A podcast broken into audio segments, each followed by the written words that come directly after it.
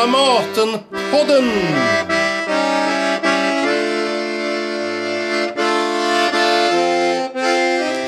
Välkommen till Dramatenpodden med mig Anneli Duva. Och idag har jag med mig teaterchefen själv, Mattias Andersson.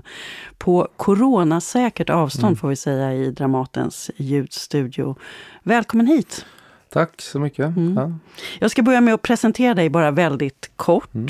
Du är född 1969 i Göteborg. Mm. mm.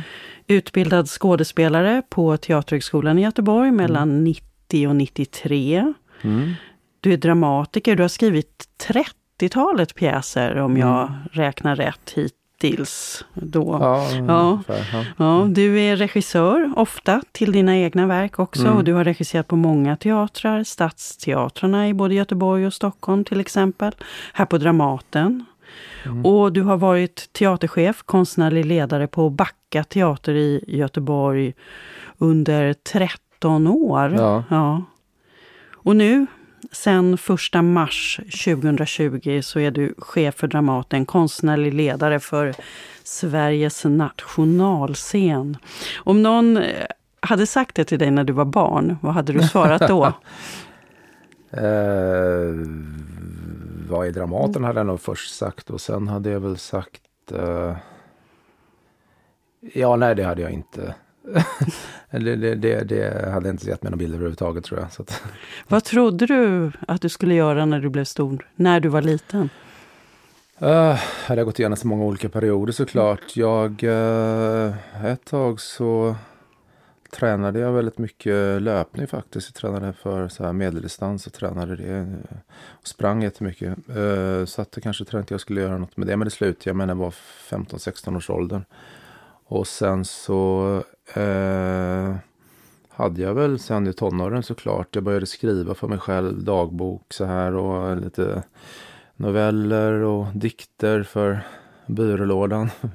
Så att säga. Eh, för att hitta något slags uttryck, något röst. Så jag hade väl någon hemlig dröm där om att kanske skriva helt enkelt. Och sen så kom jag in mer och mer på teater efter jag slutade gymnasiet. Sen eh, faktiskt genom en ungdomslagsplats. Eh, en, en eh, i Arbetsförmedlingen fick en plats på en teater. Först skulle jag hjälpa till att städa där, och så fick jag vara med. Sen och en slags utbildning, de hade i fysisk teater, en grupp i Göteborg som hette eh, Larssons teater. Som Sören Larsson, en, en, en teaterlegendar i Göteborg som har jobbat med Jerzy Grotowski, bland annat fysisk teater. Så det passade mig, det som har hållit på med mycket med kroppen och sånt där innan. Eh, så jag fick faktiskt via Arbetsförmedlingen där en plats där och städade där. Fick också vara med lite grann i dem och så blev jag mer och mer intresserad. Och sen så då blev mer och mer intresserad av skådespeleri och så kom jag in på scenskolan då när jag var i eh, 20 års, ja, när jag var 20 helt enkelt. Men kände hela tiden att jag fortsatte skriva när jag gick på skådespelarutbildningen och kände hela tiden att det var skrivandet jag ville hålla på med. Och kände egentligen inte kanske att skådespeleri var det som jag ville Nej. göra. Men, nu föregriper mm. du nästan mina okay, frågor. Okay. nej, men, nej, men jag, är, jag är jätteintresserad både av det här med skrivandet, mm, hur det började, mm, och mm. Eh, skådespeleriet mm, som sen du mm. lämnade i någon ja, mening. Ja.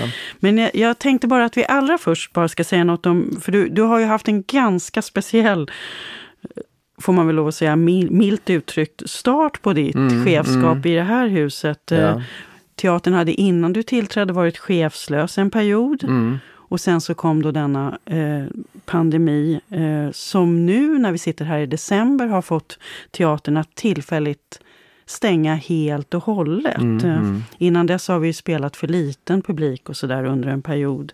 Eh, hur känns det här egentligen? Alltså, har du ibland önskat att du att det vore någon annanstans detta svåra år då, 2020? Ja, men det önskar ja. väl alla att de har någon annanstans ja. egentligen. Och det är klart att eh, eh, jag har inte ångrat att jag tackade ja till jobbet, absolut inte. Men det är klart att det kanske inte ska använda ordet mardröm kanske är för starkt. Men det är klart att när vi arbetar med en konstform som i hela essensen av den konstformen är att man ska uppleva någonting tillsammans som publik med aktörer som utför någonting på en scen och att då ha en omöjlighet att genomföra det uppdraget så är det ju klart att både för konstformen men inte minst då för hela Dramatens verksamhet så är det ju eh, fruktansvärt eh, både dränerande och deprimerande. Mm. Och sen är det klart när man startar upp ett sånt här stort stort, eh, när man kommer ny till ett sånt här stort hus så handlar det så otroligt mycket om att få med sig människor och berätta vad man vill genomföra och liksom samlas kring något gemensamt projekt med hela. Det är ju det jag pratar mycket om och då bygger ju det mänskliga mötet att man träffas och kan känna av hur landar olika saker i det faktiska rummet när jag säger vissa saker och, och tankar och hur jag tänker om teaterkonsten och teatern framåt och då är det klart att att då försöka bedriva detta digitalt eh, i små konstellationer är också oerhört frustrerande. Jag tycker vi har lyckats genomföra ett antal sådana avstämningar då, men jag tror vi hade kommit mycket, mycket längre om inte det här coronan hade eh, satt in. Mm.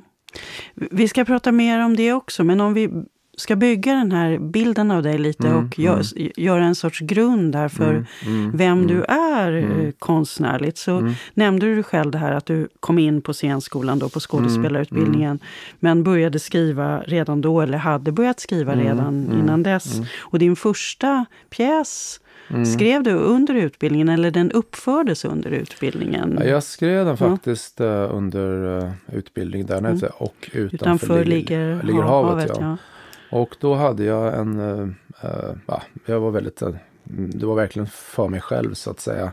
Men jag vågade ändå visa den till två äh, klasskamrater, Alexandra Zetterberg och Sanna Hultman som gick i min äh, scenskoleklass och de blev väldigt entusiastiska till pjäsen. Och så var det även så att Shanti Roney som ju jobbar här nu, blev också, gick i klassen under, han läste också pjäsen och ville verkligen vara med. Och sen övertalade de mig att också regissera den här pjäsen som en slags eh, slutproduktion på Teaterhögskolan. Så vi gjorde den. Det var även Kjell Wilhelmsen, skådespelaren som var en nära vän till mig från Göteborg som hade spelat lite på TBVs kvällskurs. Han är ju också en känd skådespelare nu från 30 grader bland annat. Var med i den här uppsättningen.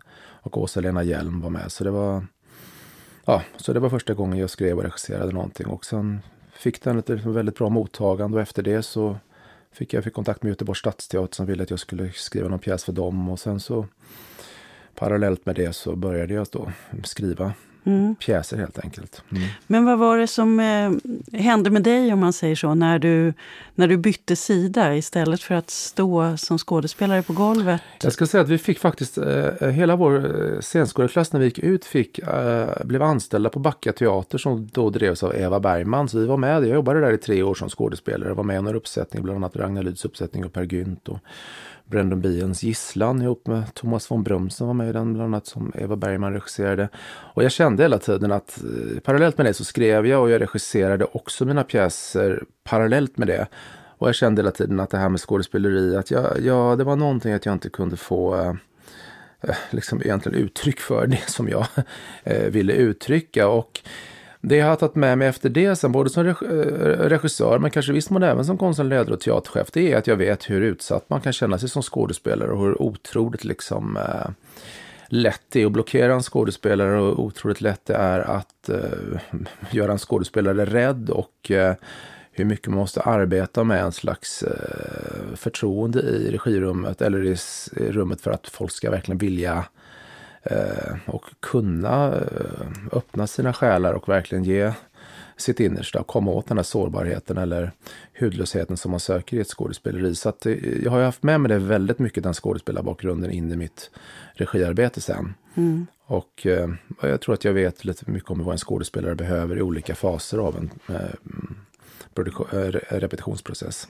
Men var det också så att du då, som du uttrycker det nu, att eh, den här hudlösheten och sårbarheten, var det någonting som, som du tyckte var lite jobbigt också? Ja, absolut. Jag tyckte, nej, jag tyckte det var Alltså teater är ju fantastiskt, det är en kollektiv konstform och sen är det klart att man hela tiden är beroende av vilka sammanhang placeras man i som skådespelare. Det är också en utsatthet man som skådespelare, man placeras i olika sammanhang som man kanske själv inte har valt ibland och man är väldigt beroende av vad är det för verk jag deltar i. att jag kände att jag hade så stark eh, vilja att uttrycka vissa saker om eh, eh, vad man nu ska säga om, om mig själv eller om världen eller om olika lägen så kände jag att eh, när jag hade möjlighet att göra det med mina egna skrivna pjäser och att regissera dem så kände jag att det var lättare att, så att säga, ge konstnärliga bilder av tiden och livet eh, eh, genom det än vad jag kunde göra som enskild skådespelare. Mm. Men med det sagt så tycker jag att eh, Alltså jag beundrar skådespelare så fruktansvärt mycket och jag tycker att det verkligen är någonting med den här eh, prestationen och den här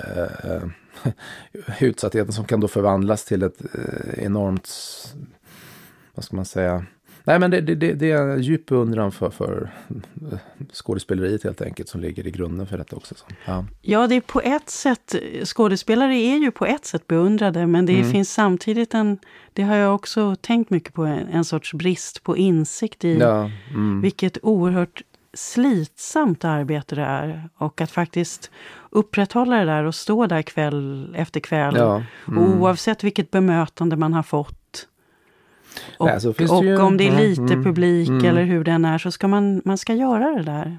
Ja, det finns ja. ju en brutalitet i det här. Alltså, jag tror att man blir bedömd direkt i ett, i ett rum inför en publik som sitter där och man känner direkt om de tycker om en eller verket eller inte så att säga. Så mm. det är mm. klart att det Men, men, men jag verkligen, sen har jag utvecklat såklart den Eh, skådespelartraditionen som vi utbildade oss på i Teaterhögskolan i Göteborg var ju en Stanislavski-baserad psykologisk realism. var mycket pedagoger också från USA och England, från RADA i London och, och vad heter den, Actor Studio i New York. Så det var ju mycket den här den psykologiska eh, realismen, den typen av skådespeleri eh, som passar väldigt bra till Chekhov och eh, Tennessee Williams och den typen av dramatik. Och en även... tradition som är väldigt stark i Sverige ja, och har varit väldigt ja, stark i Sverige. Det, det är ju en kärna ja. för den svenska skådespelartraditionen och inte minst här på Dramaten skulle mm. jag säga. Mm. Men mm. är, ja, för, för du har ju då valt att, att jobba på ett annat sätt och, och driva ett Alltså dels är det ju det här att du har jobbat i flera roller, vilket ju är speciellt. Att du både har varit konstnärlig ledare, skrivit och regisserat. Och sen har du ju inte minst då utvecklat det här dokumentära sättet mm, att mm. arbeta. Uh, hur kom det sig? För det gjorde du ju inte från början. Det var ju någonting som växte fram. Ja, ja, det var en ganska tydlig brytning faktiskt. Jag kan väl säga där från mitten av 90-talet fram till egentligen 2006 så eh, Eh, skrev jag pjäser i meningen, alltså man kan säga mer pjäspjäser då. Så det var saker, pjäser som byggde på saker som jag själv hade upplevt eller min, eh, upplevt i min närhet eller stämningar som jag upplevde i tiden. Eh, som jag skrev så mm, fiktionella pjäser då med karaktärer som drivs framåt i en handling och eh, pratar i form av dialog. Och eh, det var pjäser som både ibland regisserade de själv, ibland regisserade andra dem. Och jag gjorde bland annat pjäser som heter Löparen på Unga Klara. Och en pjäs som heter Våning 12 på Göteborgs stadsteater. K plus M plus R plus L var en pjäs som spelade både i Göteborg och Stockholm. Eh, och även flera av de här pjäserna översattes och spelades utomlands i flera, eh, flera länder internationellt. Tyskland och, och eh, Serbien, flera andra länder, Polen. Eh, men sen 2006, men det var ju verkligen pjäser i meningen eh, pjäser som man kunde ja, kalla en, en pjäs helt enkelt. Dramatik i som man också kan ge ut, precis, kan man, ja, man kan man ge kan ut i bok. bok ja. Man kan ge ut i bok och man kan mm. skicka det till sitt förlag mm. och sen skicka mm. dem vidare det till andra teatrar som eventuellt också kan spela den här pjäsen. Men så fick jag en fråga från Angeredsteatern 2006 från Ulrich Hillebrandt där som var eh, konstnärlig ledare på Angeredsteatern då. Och frågade om jag ville göra en, en föreställning baserad på dokumentärt material. Och eh, först var jag väldigt, väldigt eh, tveksam. Eller jag egentligen tyckte, nej det intresserade mig inte alls. Jag tyckte att eh, jag tyckte det var en väldig problemställning det här med vad, vad är dokumentärteater? Jag menar pratar man om dokumentärradio det är de riktiga rösterna som pratar. Pratar man om dokumentärfilm så är det de riktiga ansiktena så att säga och de riktiga människorna som står där framför kameran. Men teater är ju alltid ett eh, Eh, ett reproducerande, en, en rekonstruktion. Det är liksom skådespelare som iscensätter en verklighet som redan har skett utanför teaterrummet. Så det finns hela tiden ett slags symboliskt eller stiliserat eh, en, som grundfundament för det vi kallar teater. Så jag hade väldigt, vad, är, vad menar man med dokumentärteater i den meningen? Och många av det, det som kallades dokumentärteater tyckte jag hade jag problem med, för det byggde ofta på att man kanske bestämde sig för att undersöka ett undersökande arbete med en viss arbetsplats eller, eller mm, kanske på ett visst bostadsområde och sen åkte man ut och gjorde intervjuer och sen gick, tog man med sig det materialet så skrev man, tog man ändå tillbaka det materialet till en dramatiker som sen satt och skrev en mer eller mindre fiktionell pjäs utifrån det här materialet som ju på det sättet blev... Så jag hade problem där, vems blick var det här egentligen? Var det så att säga dokumentärt eller var det ändå väldigt starkt kopplat till en ja, en dramaturgi och någon som skapar en ny fiktion av det här, den här verkligheten.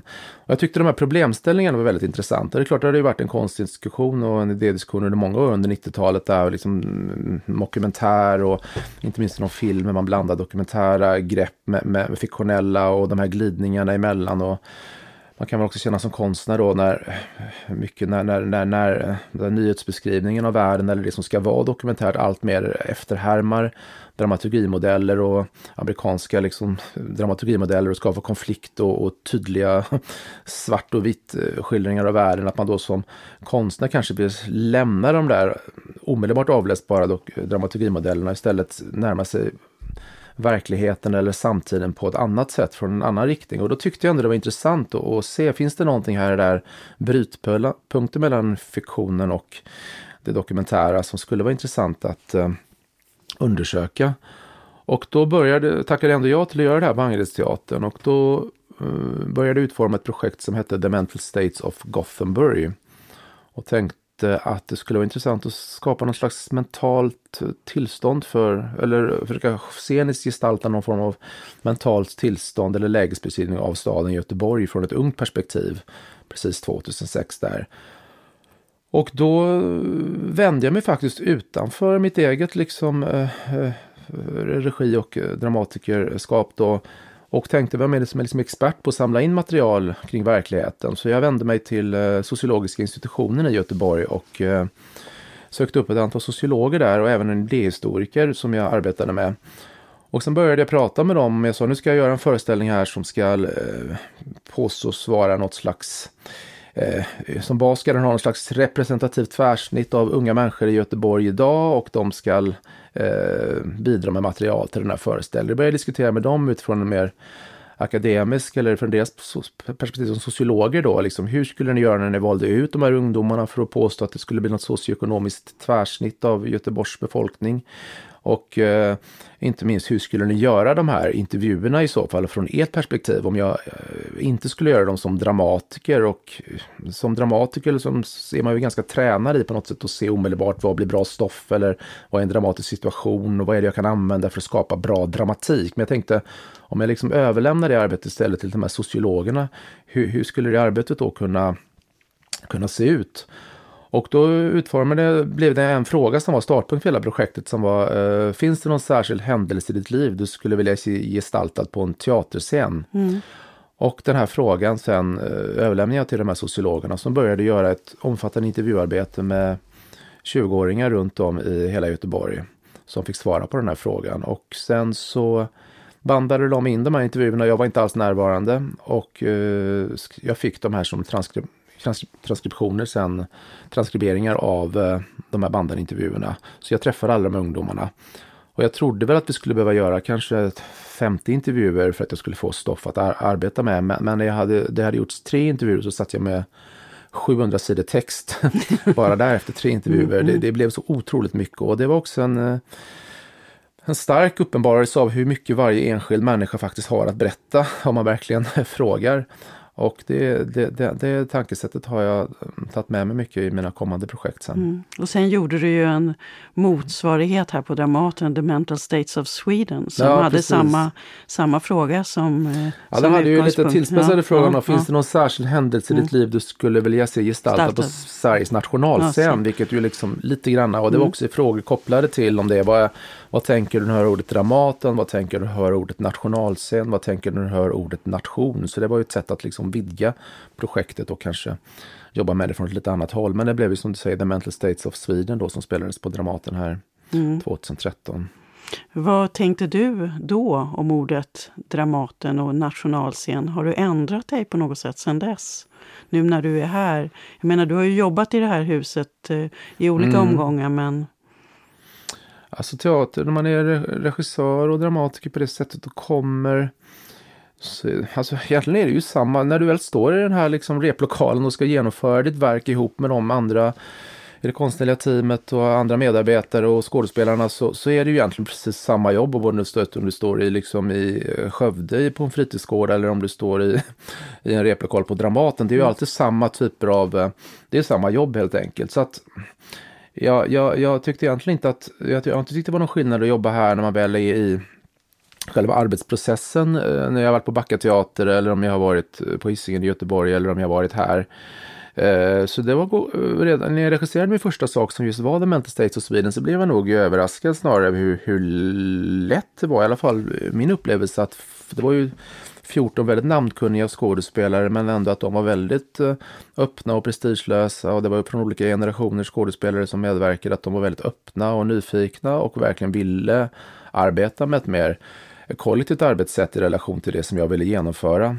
Ehm, och eh, jag tyckte att också alla runt omkring var verkligen måna om att det här skulle bli ett eh, ja, fokus på att det här skulle bli ett fulländat, eh, alltså komma så långt som möjligt som en scenkonstprodukt. Mm. Men jag vet mm. att du och jag när vi pratade någon gång bara mm. hastigt mm. sådär så nämnde du ändå just, alltså dimensionerna är ju så olika. Ja, ja. Det är, nu när du sitter i en annan position här och mm, det här huset är ju så otroligt mycket större på alla sätt än vad Backa teater. Absolut, ja. Nej, nej, men jag skulle säga, men det som är skillnaden då, om man skulle komma, mm. om det inre mm. arbetet på ett sätt är stort sett likadant, så är det klart att det symbolvärdet av att placera en föreställning på Dramaten eller placera den på Backa teater, det är ju fundamentalt olika kontexter. Och det är klart att det är både bedöms annorlunda, det, det upplevs annorlunda, det, det, får en annan, liksom, på ett sätt får det en annan impact när någonting kommer från Dramaten Dramaten. Å andra sidan finns det otroligt mycket mer saker i kontexten som det blir eh, behäftat av och också, som också man måste jobba med och mot i relation till. Det är ju en kanske renare känsla när man arbetar på, med att placera fram en föreställning på till exempel Backa teater i relation till Dramaten. Och storleken här, det, menar, det, är ju ett, det är ju Sveriges nationalscen. Det är 220 människor som arbetar här. Huset står mitt i Stockholm och representerar liksom både visuellt och i, liksom symboliskt verkligen en, en makt, eh, ska man säga, resurser, eh, eh Kungliga Dramatiska Teatern, centrum. Så det är på många sätt ett hus som Eh, många älskar och hatar det om man säger så. Det är inget hus man är liksom generös till initialt. Eh, man, man, har mycket eh, förutfattade meningar om det och man arbetar hela tiden från ett, eh, ja, nästan man säger det, ett överläge där eller en, en, eh, en, en privilegierad position och en maktposition som man hela tiden måste förhålla sig till tror jag när man är på eh, den här platsen. Men det är också det som gör det väldigt, för mig väldigt intressant att det, det, det är vad, vad, består då den här liksom, vad, vad består Dramatens symbolvärde av idag på 2020-talet i relation till nationalscensbegreppet och nationsbegreppet och inte minst att vara nationalscen för en konstform som heter teater. Så mm. att eh, det är ju saker som jag också tycker är väldigt intressant och som skapar en väldigt dramatik kring platsen, vilket kanske också kopplat till mycket historien, att det finns ju ett väldigt drama kopplat även i den yttre blicken på Dramaten. Mm. Nej, men för du tar ju med dig eh, din teatersyn, mm. dina mm. arbetsmetoder, din vilja, inte minst. Jag menar, något som du också har gjort eh, så är ju att du har jobbat också med blandformer. Ja, mm. Det tydligaste exemplet eh, som kommer för mig så är det din uppsättning av Strindbergs Ett drömspel som mm. du gjorde på Stockholms mm. stadsteater. Och då, det är ju den största pjäs vi har på det mm, svenska mm. språket, får man ju lov att säga. Det brukar jag, det tycker i alla fall jag. Ja, mm, eh, och den är ju också så känd, inte mm, minst för mm. detta då, det är synd om människorna. Mm. Du, det var väl det som du gick igång på där, för då gjorde du, du använde den, men gick vidare just på samma sätt som du har gjort tidigare. Men med den frågan istället, det är synd om människorna. Vad, vad kan man få för för tankar kring det? Och, och jag, det jag ska fråga dig om nu, för, mm, för att ja. jag hamnade, jag hamnade ja, nä, faktiskt nästan i bråk. Det blev nog ett bråk mm. med en, en vän som tyckte att det var så oerhört provocerande. Jag tror, vet inte om mm. personen hade sett uppsättningen, Nej. men bara Nej. själva idén att varför ska man ge sig på drömspelet? Ja, ja.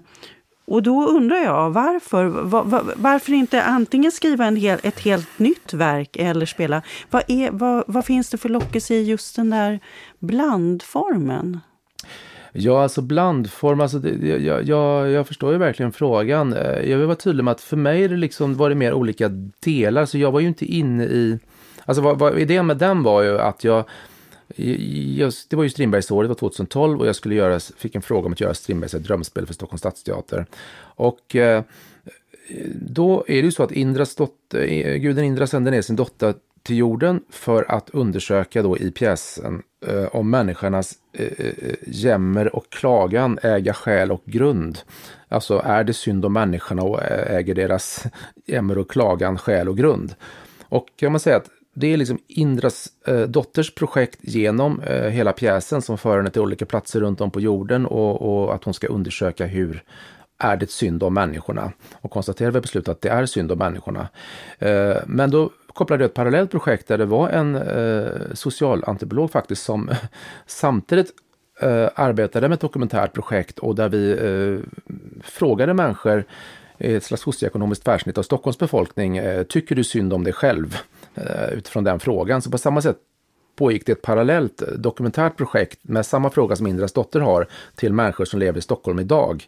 Men eh, jag skrev ju inte om Strindbergs text utan det var ju snarare så att jag koncentrerade ner Strindbergs text, strök i den som man alltid gör, eh, koncentrerade scenerna och genomförde de scenerna eh, så att säga, fullt ut men eh, inte folierade de här dokumentära vittnesmålen från människor i Sverige idag. Så det var ju snarare att de här eh, svarade mot varandra, de olika textnivåerna och de, olika, de här två parallella undersökningsprojekten som pågick. Så att eh, det var ju inte så att jag klåfingrigt tog pjäsen och så skrev om en ny drömspel, utan det var ju snarare en väldig liksom eh, eh, eh fokus och koncentration på Strindbergs ord och text i de sekvenser som var Strindbergs eh, eh, eh originalscener, samtidigt som jag arbetade med det här parallella projektet som pågick i föreställningen.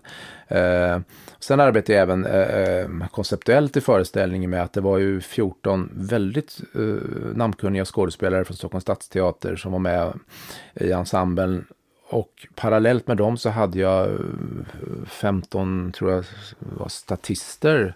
Eller män, människor som absolut inte var skådespelare med olika bakgrunder som var med på scenen. För att öka den här mängden människor som Indra Stotter stiger ner till. Så det fanns också ett maktspel i rummet. Alltså vem är intressantast att titta på? Den här professionella skådespelaren som framför Strindbergs text eller den här andra så att säga vanliga människan som inte har den här maktpositionen som skådespelaren har och kanske ibland berättar om sitt öde. Så det fanns också en sån lek i föreställningen. Mm. Men uh, det är mer sådana krockar jag är intresserad av än att just skriva om klassiker. Jo, nej, men det, det förstår jag. Ja. Och jag. Och jag tyckte ju väldigt mycket om den. Nu låter ja, jag inställsam, men det gjorde jag. Så, mm. så bråket bestod ju i att jag försvarade den här uppsättningen. Mm. Men jag tycker fortfarande att du kanske inte riktigt svara på det Nej, som, okay. som jag försökte göra till en fråga nu. Ja, eller det här mm. att, är det, upp, din upplevelse antar jag då måste vara att mm. eh, Strindberg plus den här moderna samtida erfarenheten mm. skickligt sammanfogat av, av mm, någon, som i mm. det här fallet var du, kan bli någonting som i bästa fall blir ännu större än, än de där två sakerna var för sig? Eller är det det uh, som är förhoppningen? Ja, ja. absolut. Mm. Och sen är det klart att det, det, är en djupt subjektiv hållning som inte säger så, så, ska vi, så ska alla arbeta eller nu ska Dramaten arbeta så. Utan jag menar, det, det kan finnas en, en otrolig liksom, eh, fascination att gå in helt och hållet som du säger i en textkropp i ett verk och verkligen borra sig ner den här originaltexten. Jag tror att jag är dramatiker från början och arbetar med antingen med mina egna originaltexter och skriver fortfarande pjäser som du vet Uppenbarelsen mm, mm. eller Determinism nu senast eller de här dokumentära projekten där det är liksom dokumentära texter som jag sen klipper och klistrar och eh, samplar och loopar på olika sätt och gör kompositioner av som är Vi som leva om våra liv till exempel som gick senast på Dramaten också mm. eller The Mental States of Sweden då. Uh, så att uh, jag tycker, så att jag närmat mig klassiker, det har varit ytterst få som jag har gjort faktiskt. Uh, det är drömspel, jag Witold Gombrowicz, Yvonne. Och det var samma sak där, den handlar ju om, Gombrowicz Yvonne handlar ju om den här Yvonne som handlar mycket om mobbningsmekanismer, utstötningsmekanismer. Och då gjorde vi Witold Gombrowicz originalpjäs på Backa Teater, men kopplade samtidigt ett skrivprojekt där unga människor i Göteborg fick skriva om ensamhet, att känna sig utanför, utstött och sen interfolierade vi de här texterna eh, som lästa röster liksom, i föreställningen. Men varför, ja, nu ska jag faktiskt, nu kanske gå förbi frågan igen, varför räcker det inte med det? Nej, det är bara en, det är en egen subjektiv val. Det, det, kan mycket väl räcka att göra det rakt upp och ner, men jag tror att just då kände jag en inspiration mm. för att eh, arbeta med det. Och det handlar ju hela tiden om att man måste släppa fram det subjektiva och eh, vad man själv är intresserad av mm. just då. För jag har två frågor här nu som mm. jag vill ställa. Den ena är att du väldigt ofta regisserar dina egna pjäser också. Ja, att du är en sorts autör faktiskt där. Mm. Hur viktigt är det för dig? Hur Tycker du att det är roligt också att se dina texter uppsatta av andra regissörer? Vill du helst ha den där eh, kontrollen över dem eller följa dem så att säga till gestaltningen? Ja, nej, det är inte nödvändigt, men det är klart att jag skriver ju Alltså på något sätt så skriver jag ju för teaterrummet, för scenen. Jag ser ju, jag ser ju ett sceniskt rum framför mig medan jag skriver vart det ska ta vägen. Alltså de här dokumentära texterna är ju nästan närmast omöjliga att göra av någon annan regissör, för de är ju egentligen... Eh, de är projekt. Ja, de är projekt och ja. ett insamlande av mm. stoff, material och mm. sen klipper och klistrar. Sen mm. arbetar jag fram en komposition ihop med ensemble under reprocessen. Även om jag ofta brukar göra en väldigt tydlig textkomposition först som kommer till kollationeringen. Men de är ju liksom originalföreställningar som arbetas fram med precis de subjekten som är med just den uppsättningen.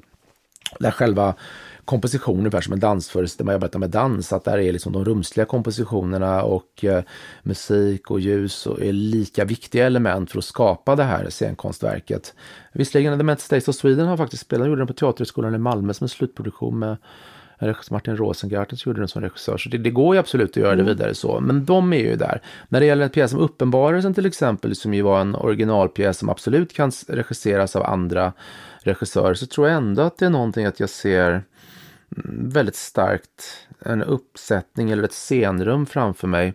Kanske inte så mycket specifika skådespelare men, men ändå någon eh, eh, någon, någon, eh, någon kombination av eh, ett rum och ett skeende som, som eh, är väldigt viktig för att få något kontrapunktiskt eller någon dubbla lager. Jag kan ibland uppleva när jag har sett mina egna pjäser sättas upp på andra håll så kan det ibland då...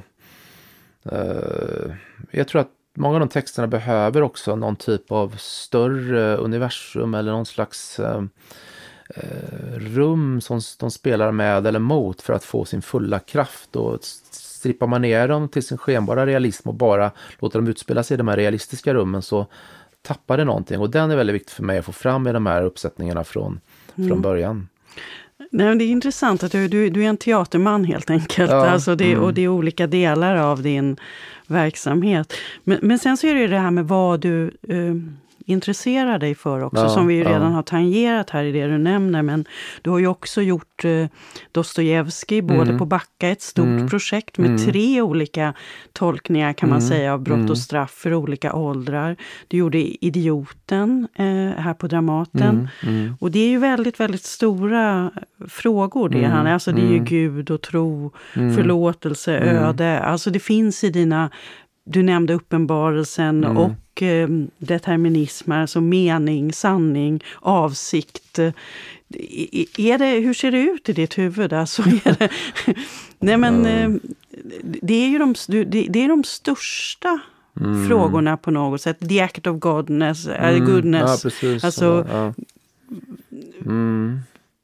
ja, det vet jag inte hur det ser ut i mitt huvud på det mm, sättet. Men, mm. men jag, det är klart att jag tycker att uh, Nej men det är väl de sakerna som jag... Eh, som, ja men det är där jag hittar liksom eh, det jag brottas med och det är där jag tycker att det finns konstens starkaste funktion att kommunicera kring de existentiella frågorna. Jag tycker inte minst teaterrummet är en väldigt bra plats för att eh, den typen av existentiella samtal och kring de stora frågorna, att man så att säga gör det mm, tillsammans eller upplever det tillsammans med andra människor i ett rum. Det är nästan som en rit eller som en ceremoni verkligen, att man, man upplever det här eh, och bearbetar de här frågeställningarna.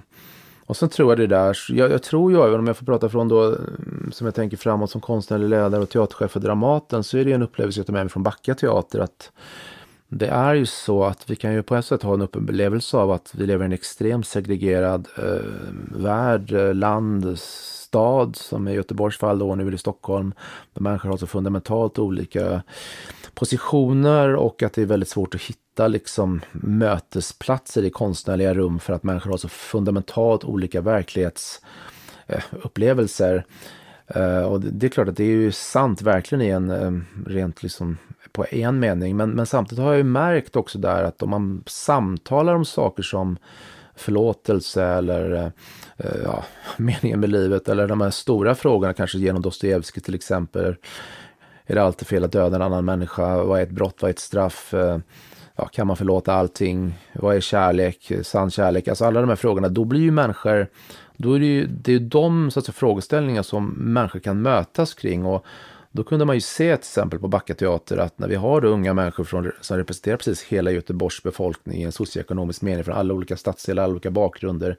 Eller när vi gjorde Acts of Goodness som handlar om vad är godhet i sin, själva sin grund. Det är ju den typen av frågeställningar som kan verkligen kanske förena människor eh, eller som människor kan, man kan mötas i, i de existentiella eh, djupa rummen i människan. Och då blir man ju väldigt hoppfull kanske att det ändå finns möjlighet till eh, samtal kring de mm.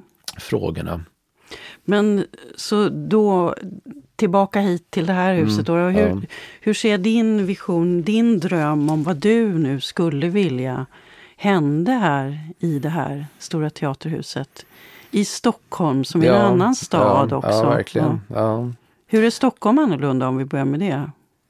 Från Göteborg? Eh, jag upplever att Stockholm är Eh, ja, det är, en, det är verkligen en annan stad. Det är klart, det här är ju det är centrum, det är liksom, och inte minst kulturens centrum. Det finns så otroligt mycket människor som arbetar med kultur i olika former själva.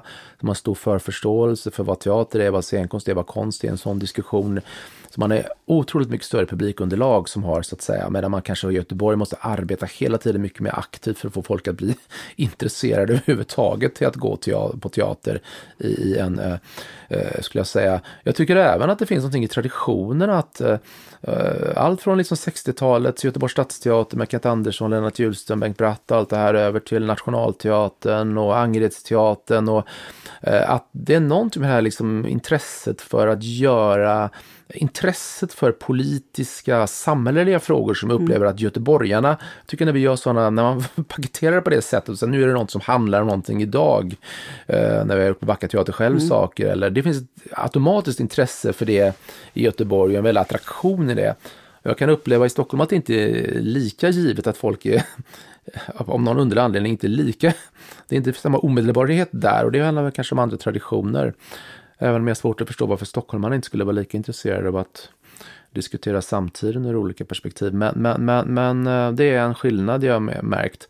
Men jag tror verkligen att eh, eh, Dramaten har framtiden för sig. Jag tror att om vi då helt glömmer bort den här pandemin som ju är ett eh, hot mot hela eh, teatersektorn, både nationellt och internationellt, så är det klart att Eh, Eh, jag menar, det finns otroligt mycket eh, bra människor här. Det finns ju eh, liksom ett internationellt perspektiv och ett nationellt perspektiv också väldigt mycket resurser och möjlighet att göra. Jag tycker när jag presenterar idéer som jag vill göra tycker jag det möts än så länge väldigt bra av de som arbetar här och ensemblen framåt. Och för mig kommer det vara jätteviktigt att skapa något slags, nu har jag ju tre år kvar på mitt eh, kontrakt, det nuvarande kontraktet som jag har just nu då eh, här och eh, jag tror det kommer bli jätteviktigt att hitta liksom någon att vara tydlig med. Nu ska Dramatens hela hus och ensemble arbeta med det här eller undersöka det här de närmsta tre åren. Alltså inte, att det ska, inte kanske en tematisk mening, men, men just som jag sa, vad, vad, vad är den här? Dels det här, vad, vad är det här att vara nationalscen? Vad innebär det här? Eh, nationsbegreppet idag i en eh, eh milt uttryckt globaliserad värld men också i, i, i ett Sverige som ju i allra högsta grad är väldigt pluralistiskt men också väldigt segregerat. Och i, mm, och i en samtid med väldigt mycket nationalistiska strömningar. Ja, precis. Som, som... också är något att förhålla sig till mm. åt andra hållet, vad som mm. händer i Polen och i Ungern. Så det är ett djupt problematiskt begrepp, det nationsbegreppet och nationalscensbegreppet. Vad innebär det också i relation till kanon? Där du var inne på Strindberg, då Eh, Eh, företrädare för svensk kanon eller ska vi se oss liksom, är vi en globaliserad värld där liksom alla röster ska eh, fram här? Så att det, det, det är ju en mening det som är intressant. Men så tycker jag också intressant just vad är teaterkonsten? Eh, hur, hur fortsätter vi göra den attraktiv och relevant för kommande generationer nu in i 2020-talet? Och det handlar ju både om att arbeta eh, estetiskt såklart formmässigt. Hur fortsätter vi utveckla den här konstformen så den fortsätter vara liksom just attraktiv just utifrån temat, teaterns premisser, eh, så som hela kultur och medieklimatet ser ut med all rörlig bild vi sköljs med hela tiden och alla digitala plattformar. Man kan få så mycket verklighets och du, fiktionella upplevelser hela tiden. Hur, hur fortsätter teaterkonsten vara relevant estetiskt? Men såklart också innehållsligt. Vilka typer av berättelser, samtidsbeskrivningar, eh, röster eh, är vi en plattform för. Så att, eh, men jag, så jag tycker det känns oerhört inspirerande och jätteintressant att ta det här vidare om vi bara får komma igång rejält nu när mm. den här pandemin förhoppningsvis släpper dem. Sen är det ju den andra sidan av eh, det nationella uppdraget som ju mm. är att man också faktiskt ska förvalta ja, eh, ja just den, den svenska dramatiken mm, och, mm, och, har ett mm. uppdrag att både spela klassiker och nyskrivet. Absolut, och ja. vissa mm. Och nyskrivet tror jag inte du har något problem med. Nej, verkligen inte. Nej. Och sen så är ju i det här huset, om man ska vara ännu mer konkret, som inte är något formellt formulerat, men som ju är en nedärvd tradition, så är det ju precis den du sa att du själv utbildades i, den här, alltså som går från O'Neill via mm. Alltså, eller från Strindberg kan man säga mm. till O'Neill, till Bergman och till Norén. Mm. Ja. Uh, och det där är också en väldigt, en väldigt stark och väldigt omtyckt uh, ådra i den svenska teatern. Hur, hur känner du inför det där då? Nej, det är fantastiskt. Alltså, jag mm. menar, det är, jag skulle påstå att alltså, svenska skådespelare håller vansinnigt hög klass internationellt. Och jag tycker varje gång man har just eh, eh, internationella gäster och ser svensk teater och eh, inte minst på, på, film och tv då såklart svenska skådespelare. Så att det är ju yppersta världsklass på svensk skådespeleri i den meningen. Sen har du helt rätt att traditionen i Sverige är ju i stort, eh, framförallt med Dramat, en textdriven tradition, tradition som är kopplat mycket till den typen av eh, uppsättningar som du beskriver. Och om man tar det som Italien, Frankrike och inte minst Belgien där det finns mycket mer blandform mellan dans, performance, eh, mer bilddriven scenkonst på ett sätt som, som eh, inte har så starkt fäste, i alla fall inte på de stora scenerna i Sverige.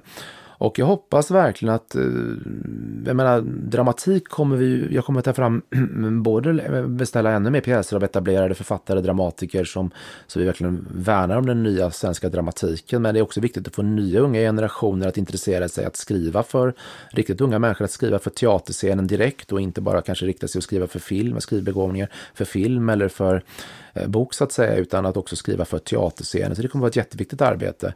Men självklart, vi kommer att ha klassiker på, på repertoaren även nästa år, så att den här eh, Teatern är ju fantastisk så att den verkligen har en sån levande dialog med, med sina klassiker och historien så att det är precis som jag sa, precis som du intresserar mig, vad är det här Dramatenhuset för en plats och vad är den för en position i en yttre mening? Men det är också intressant med Dramatens egen historia och förhålla sig till den och ta vara på det som är väldigt, väldigt bra och det kanske är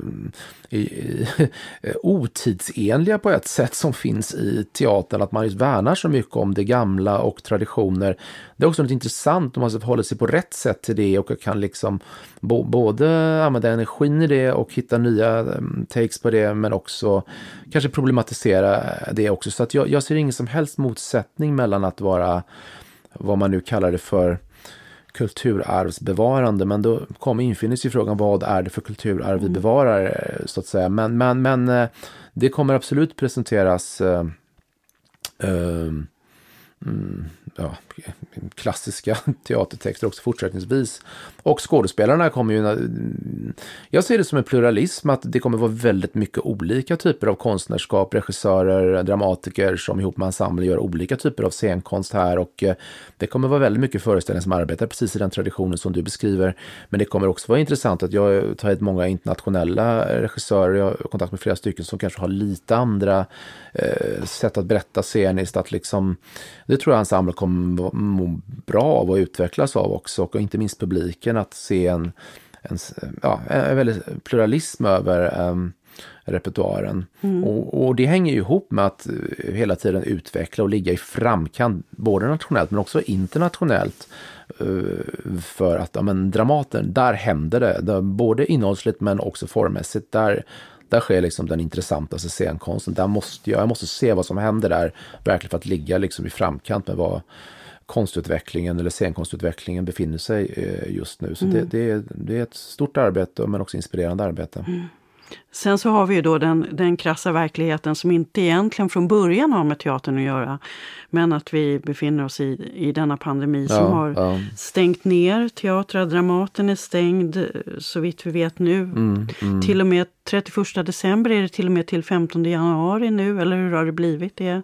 Ja, nu, nu, just denna dag Mm. du frågar mig så är det ju publikstängt till 15 januari. Ja. Ja. Mm. Och, eh, och mycket, en del uppsättningar har fått läggas ner eller, och en, andra läggas Ja. på is. Mm, och mm, mycket måste mm. planeras Ja, om. verkligen. och du Mm. nämnde själv här i en bisats så sa du bara vad nu det här kommer betyda för Mm, teaterkonsten i stort. Det, Mm. det kan inte jag heller låta bli att, att tänka på och undra över. Men hur, hur, hur har du känt det då? Eller för, hur förhåller du dig för att hålla liksom just den här entusiasmen som du ändå uppenbarligen har? Men, men att Ja, också hålla den mm. vid liv i den här tiden? Eller vad? Nej, Ja. men det är, det, är så, det, är så fort jag tänker, när du frågar mig om framtid längre Mm, fram, mm, om man pratar liksom i någon slags, i, i den eh, sfären av verkligheten, så, så, så är det ju lätt att känna entusiasm och energi. Men det är klart, den konkreta situationen vi befinner oss i är ju eh, fruktansvärd helt enkelt. Och nu är det ju för så att Dramaten är ju ändå väldigt privilegierad i relation till eh, frigrupper, privatteatrar, mindre teatrar som är ännu mer intäktsberoende och har ett ännu mindre kanske statligt stöd eller eh, andra typer av stöd. Så att eh, jag, jag är djupt, djupt oroad över hela, eh, hela scenkonstklimatet. Och internationellt ska jag bara inte prata om det, men nu är alla tysktalande teatrar stängda.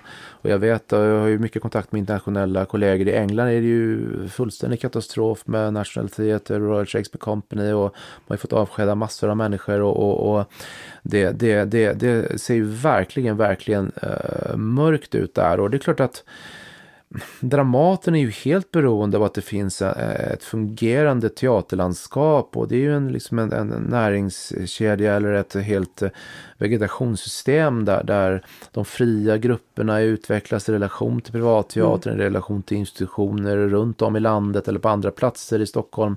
Så att det, det och nu som det ser ut nu så är det ju eh, fullständigt förödande. Men man får ju innerligt hoppas att det eh, kommer någon ljusning med vaccinet nu och våren ser väl ut som vi kommer säkert som jag ser nu kommer det säkert gå att spela publikt kommer det säkert. Jag kan inte tänka mig att det kommer att spela för fulla publiker. Men så får man ju hoppas att den liksom svenskliga, svenska kultur, alltså kulturpolitiken, alltså i ekonomisk mening också gör en otrolig eh, Eh, satsning sen och kraftansamling för att stötta alla de här, eh, både enskilda individer, upphovspersoner men också institutioner och fria grupper, privatteatrar som har eh, mer eller mindre gått under nu. Så det blir en, en återtändning helt enkelt. För det är ju helt nödvändigt för den här konstformen. Mm. Det är något paradoxalt också i detta att eh, samtidigt som kulturen har drabbats, även om du säger just Mm. stora institutioner är ändå privilegierade i sammanhanget, Mm, men kulturen har ju drabbats väldigt hårt Ja, ja. av detta. Och samtidigt så vittnar så otroligt många människor att nu har de ju verkligen förstått Mm. hur mycket kulturen betyder. Dels den kultur som man ändå kan, alltså att man kan läsa och, och se på film och så, mm. trots detta, men hur mycket man också saknar de här rummen, saknar teaterrummet, konsertsalen, Mm, de kollektiva upplevelserna.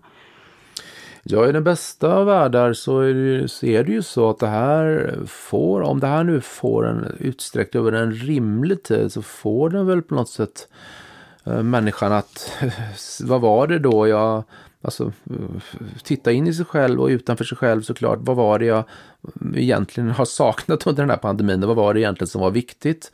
Och därigenom att det leder till kanske en större ödmjukhet och en större förståelse. Och att man hittar lite lättare i vad man ska värdera, vad som faktiskt är viktigt för mig. Och eh, eh, är det något bra med det? Och det pratas ju mycket om det att coronan ska lära oss någonting och vi ska komma ut på andra sidan med en ny start. Eh, men, men så ska, något ska återuppstå i liksom, över hela världen med ett nytt sätt att samordna våra liv och vi ska få syn på nya värden. Och tänker man positivt på det och så tänker man ja men det skulle ju vara fantastiskt och samtidigt så tänker man cyniskt på det så är det ju, kan det ju också vara så det, vi kommer ut på andra sidan, eh, det tar två månader och alla bara vill göra allt för att få glömma bort det och sen så jobbar alla för att det ska bli business as usual i ordets liksom eh, verkligen bokstavliga mening. Eh, eh, så att eh, vi bara går tillbaka till precis samma system och det är till samma typ av prioriteringar. Men, men, men som du säger, för teatern som är så tror jag vi kommer nog aldrig ha en så eh, desperat törstande publik efter teatern när vi väl får öppna upp igen. Och det är klart att det är ju väldigt, väldigt eh, det ser jag ju hoppfullt på. Men, men Dramaten är ju beroende av att de andra, alltså hela teaterlandskapet fungerar både nationellt men också internationellt som jag sa förut med alla de internationella konstnärskap och samarbeten som mm. jag vill sätta igång för att ha en också en, en, en, en internationell eh, hållning till Dramaten. Så är vi ju helt beroende av att det här kan återuppstå. Mm. Men vi vi hoppas på det Mattias. Ja, vi får eh, det. Mm. Uh, man vill gärna sluta liksom i, i någon lite god känsla, men det är ju speciellt detta. Och ja. vi, mm. vi har en, en förhoppning. Ja. ja. Nej, men jag tror att om man kan utnyttja också, det, det finns flera processer. Nu ska jag väl säga så att jag tror det är många av scenkonstverk som vi har på repertoaren nu som så att säga är, är framarbetade före pandemin. Och uh, nu, nu, nu, får vi ju anledning också att titta, okej okay, om vi nu, när, där vi befinner oss just nu, finns det liksom verk som kan förhålla sig till den här nya situationen, som kan arbeta kanske med publik konceptuellt på ett annat sätt, uh, hur man placerar publik och sånt där, så vi kan få fram verk som kanske kan svara mot situationen där vi befinner oss nästa höst oavsett, eller senare, uh, oavsett var vi befinner oss mm. där. Så det kommer vara intressant. Och de här frågeställningarna som du tog upp, att också jag kan tänka mig att det finns ett stort behov av att bearbeta den här typen av frågor också. Vad vi har gått igenom när vi kommer ut på andra sidan och vad var det så att säga som det mm, vad, vad gjorde vad, det med vad, oss? Vad gjorde det med oss, precis. Mm. Ja. Mm. En, en eh, Mattias Andersson-pjäs. Uh, ja, jag vet inte om det... Kunde ja, vara. Ja, ja. emotionellt innehåll på något plan kanske, mm, men, men jag vet inte om... Jag säger inte att du mm. ska göra det, Nej, men, men det, det, lät som det hade kunnat ja, vara en absolut, titel. Absolut. Ja. Mm. Men du, eh, mm. tack så jättemycket för att du kom hit ja. till Dramatisk mm. ljudstudio, mm. Mattias Andersson. Ja, tack så mycket, det var jättekul. Tack. Av silver och en underbar kvinna